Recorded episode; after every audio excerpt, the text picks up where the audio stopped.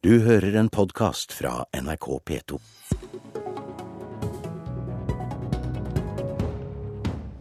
Velkommen til NRKs landsmøtestudio her i Trondheim, leder i Kristelig Folkeparti, Knut Arild Hareide. Ja, tusen takk.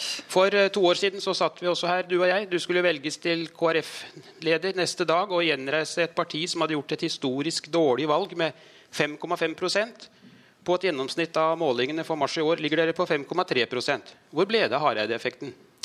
Ja, når vi ligger på 5,3 i snitt nå, så har det vært en positiv utvikling eh, det siste året. Du nøyer deg med lite, altså?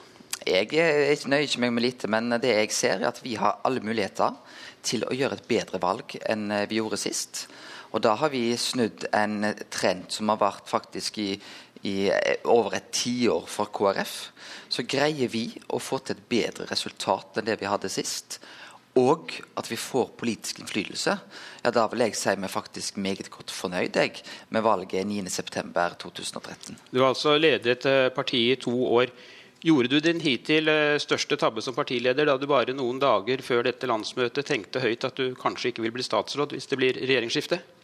Nei, jeg tror eh, den problemstillingen som jeg løfter der, den tror jeg mange har forståelse for.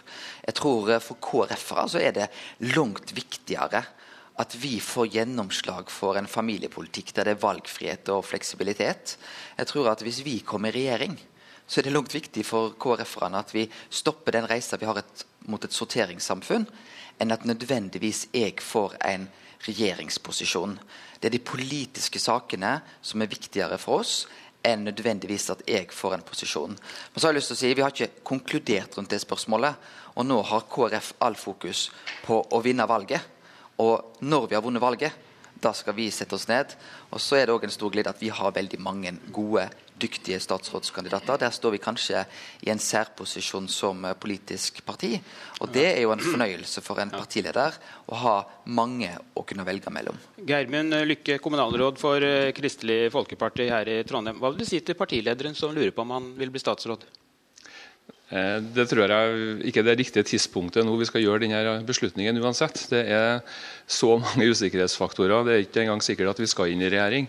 Å bruke veldig mye tid på det akkurat nå tror ikke jeg er klokt. Og så tror jeg det at eh, Om et halvt år så kan bildet bli et helt annet. Eh, både det mannskapet som vi rår over på Stortinget, og det, den regjeringskonstellasjonen, styrkeforholdene mellom partiene der, vil kunne ha betydning for eh, hvordan partiet skal håndtere den saken. Ja, vi skal eh, videre med regjeringsspørsmålet som du tar opp. For som vi hørte i nyhetene tidligere i dag, så er det skepsis i Kristelig Folkeparti mot å samarbeide med Fremskrittspartiet.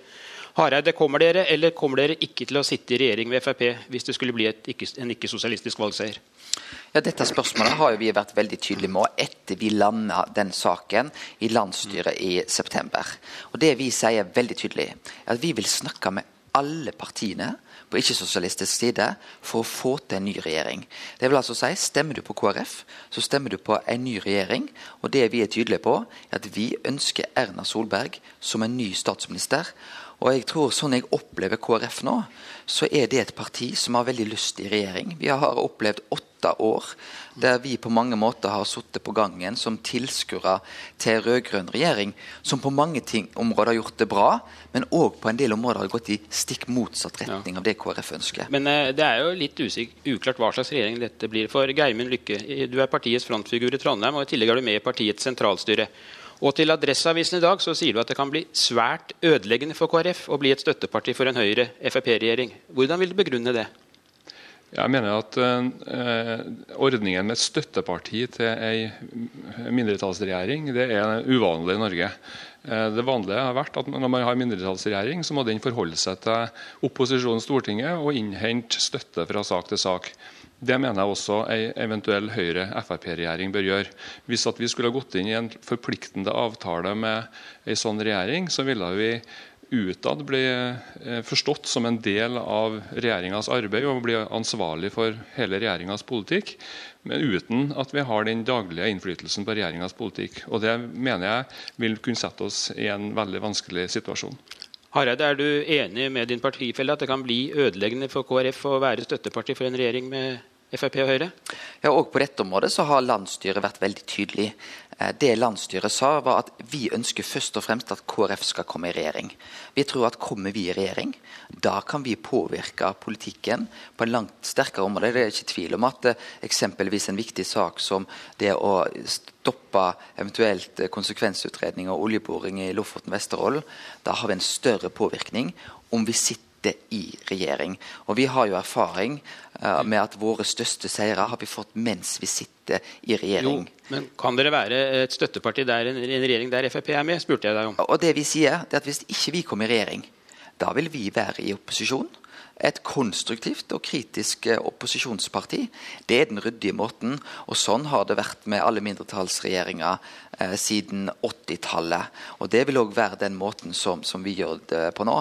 Men det er ikke tvil om at KrF ved dette valget 9.9.2013. Da ønsker vi å få til skifte. Og vi ønsker at KrF skal komme inn i regjering.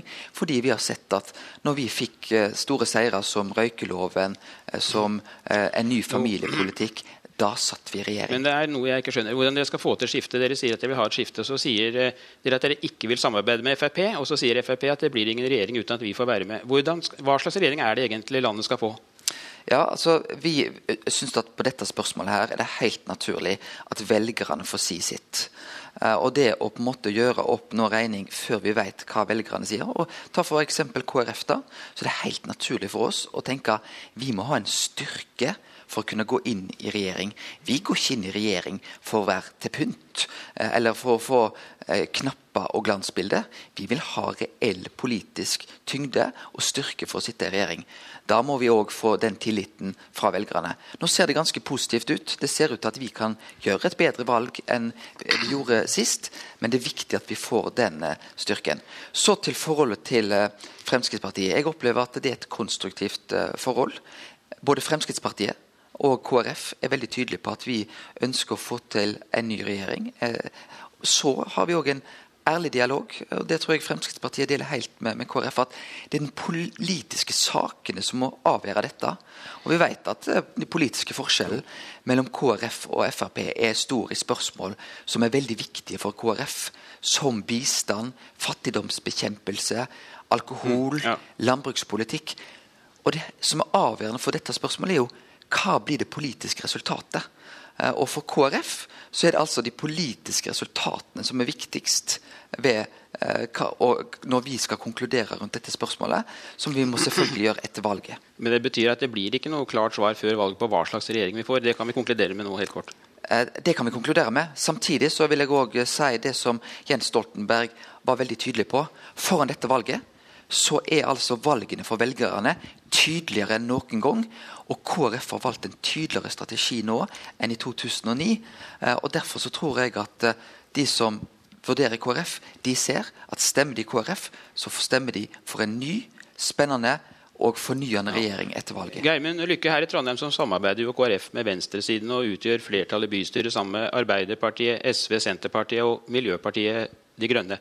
Hvor mye gjennomslag synes du KrF, KrF får i dette samarbeidet?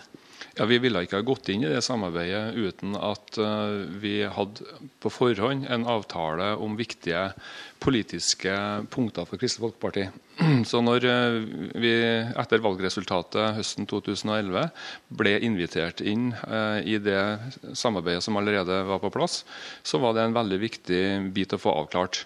Og, og da noterte vi en rekke gode KrF-standpunkt som fikk aksept i, hos flertallet. Og da var vi trygge på at dette er et flertall vi kan samarbeide med. Det dreier seg f.eks. om at Trondheim da er den eneste storbyen som skjenker bare fram til klokka to om natta f.eks. Og vi fikk muligheten for å, å rette opp en, en, del av den eh, skeive eh, bevilgningssituasjonen som var for kirka, menigheter og trossamfunn i Trondheim. Hareide, hvorfor kan ikke erfaringene fra Trondheim overføres til Riksplan? Jo, på mange måter så kan de det. Fordi at eh, det de gjorde i Trondheim, det var at her eh, gikk, valgte KrF å gå inn eh, i et samarbeid med parti, og så trekte de politikken mot sentrum. I Trondheim så var det et venstrestyre. Med KrF på laget så ble det et sentrum-venstrestyre, og politikken kom nærmere sentrum. KrF er et sentrumsparti, og vi ønsker veldig gjerne å få politikken nærmere sentrum. Og det er klart, Skal vi inn i regjering, så er det for å trekke politikken mot sentrum. Det er jo for å få eh, en sentrum-høyre-regjering vi går til valg nå. Og så har de rød-grønne gjort dette veldig enkelt. De har sagt at de har bare én Mm, plan. Det er rød-grønt flertallsstyre. Og for KrF å sitte som tilskuer til fire nye rød-grønne år, det er verken attraktivt eller var noe realistisk alternativ for KrF. Nå tenkte jeg vi skulle prøve oss på noen ja-nei-spørsmål. Du er med på det? Ja da. På landsmøtet i Venstre ble det vedtatt å åpne for vinsalg i butikkene. Vil KrF i regjering gå med på en liberalisering av alkoholpolitikken? Nei. Gjermund Lykke, du var inne på at du styrte alkoholpolitikken i Trondheim. Er det greit med vin i butikk? Nei. Vil KrF gå med på å kutte uhjelpen, slik blant andre Frp ønsker? Nei. I morgen så legger jordbruksorganisasjonene frem kravene foran vårens oppgjør. Høyre og Frp ønsker å legge om landbrukspolitikken. Bør støtten til bøndene opprettholdes på omtrent samme nivå som i dag? Ja. Eller økes. Er skattenivået i Norge for høyt? Ja, der er det jo Nei eller ja? Da vil jeg si at eh, det er på et veldig passelig nivå. Det er faktisk Bondevik-regjeringen som har lagt nivået. Bør formuesskatten reduseres og på sikt fjernes helt, slik både Høyre og Frp ønsker? Ja, der har vi en mellomløsning. Der Ja. vi sier vi fjerner skatten på arbeid, men vi fjerner den ikke på rikdom. Det var vel et betinget nei, og da ble det vel eh, uenighet med de andre partiene på alle de seks spørsmålene jeg stilte deg, Hareide? Ja, men det, Dette er for så vidt helt åpne spørsmål. Men hvis du tar det f.eks. For formuesbeskatningen der, så sier jo de rød-grønne partiene Ja. der vil ikke vi ha noen endring. De vil ha skatt på arbeidsplasser. Mens den løsningen KrF har, ja, den løsningen er jo så god at til og med Trond Giske har sagt at det er egentlig det han drømmer om. Og Roar Flåten har sagt det samme. Ja. Og jeg tror jo at eh, når Høyre og Fremskrittspartiet får tenkt seg om, så vil de lande nettopp ned på KrFs gode vei i midten, i sentrum, som en god gyllen Så middelvei. skal du få snakke om noe som sikkert opptar deg veldig mye når det gjelder saker. På landsmøtet så skal KrF vedta nytt program, og det foreligger forslag om flere kostbare reformer. Ikke minst når det gjelder kjerneområdet deres, familiepolitikken. Svangerskapspermisjonen skal utvides til 16 måneder. Studenter og andre som ikke har arbeid, skal få en støtte på 165 000 når de får barn. Og kontantstøtten skal utvides, for å nevne tre av mange forslag. Har du regnet ut hva alt dette koster? Det er klart eh, det er betydelige satsinger som ligger på familie. Eh, Nå nevner du ulike forslag. Eh, Det vi kan si sikkert er at alle blir ikke vedtatt. Eh, Da blir det for kostbart, og vi må også gjøre prioriteringer. Men jeg tror at hvis vi som samfunn ikke velger å prioritere familiene, så blir det òg meget kostbart. Fordi at det å få flere barn, det er med på å sikre velferden på lang sikt. Å ta det forslaget som bl.a. da gjelder studenter, det er jo veldig urimelig og meget urettferdig i dag. At hvis en student velger å få barn, så får du altså en støtte på 40 000. Men hvis du er i arbeid, så får du en støtte fra staten på opp mot 500 000. Det er en urettferdighet Ja. som KrF er det eneste partiet Men- som vil gjøre noe med det. Men talspersoner både på venstresida Ja, Kåre Willoch, selv om Høyre Ja. støtter ikke så der, støtter, har jo dette vært en kampsak for. Men blir ikke dette forferdelig dyrt? For det skal jo brukes penger på veldig mye annet, også veier, eldreomsorg osv. Ja, men jeg tror at for samfunnet vårt så blir det altså langt dyrere hvis vi ikke bygger opp under familiene. Vi ser nå altså at eh, både gjennomsnittsalderen på å bli foreldre i Norge stiger for, for hvert år. Fødselsraten i Norge har gått ned. Den har ligget ganske høyt. Og hvis vi ser i land i Sør-Europa, så har jo fødselsraten vært veldig veldig lav. Det er bl.a. en av grunnene til den krisen vi ser i dag. Fordi de har ikke et befolkningsgrunnlag for å bygge en fremtidig velferd. Tror vi at vi skal leve av oljeformuen innenfor fremtidige generasjoner, så tar vi veldig feil. Det er faktisk barna våre vi må satse på. For å holde oss til familiepolitikken, for første gang kan KrF komme til å programfeste homofile pars rettigheter som foreldre. Har dere gitt opp kampen mot den kjønnsnøytrale ekteskapsloven? Nei, eh, vi er veldig tydelige på at eh, ekteskapet er mellom en mann og en kvinne. Men vi er òg tydelige på at eh, ulike samboerforhold, partnerforhold, er òg viktig å selvfølgelig støtte opp om. Og det er en ryddighet som er kommet inn i vårt program, som jeg er veldig glad for. Gjermund Lykke, kort til slutt. eh, Nå skal dere fattes mange viktige beslutninger de neste dagene. og Det er ikke første gang det fattes viktige beslutninger på dette stedet hvor eh, landsmøtehotellet ligger. Nei, faktisk så ligger jo det her hotellet på det historiske Øretinget, der eh, ingen fikk lov til å bli konge uten å komme og bli hylla. Til og med danskekongen med navnet Knut den mektige kom for snart 1000 år siden hit for å bli hylla med 50 herreskip.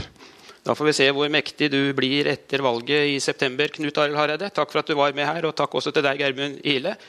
Og lykke til med landsmøtet. Tusen takk. Og det var eh, Politisk kvarter, denne gang direkte fra KrFs landsmøte i Trondheim. Jeg heter Per Arne Bjerke.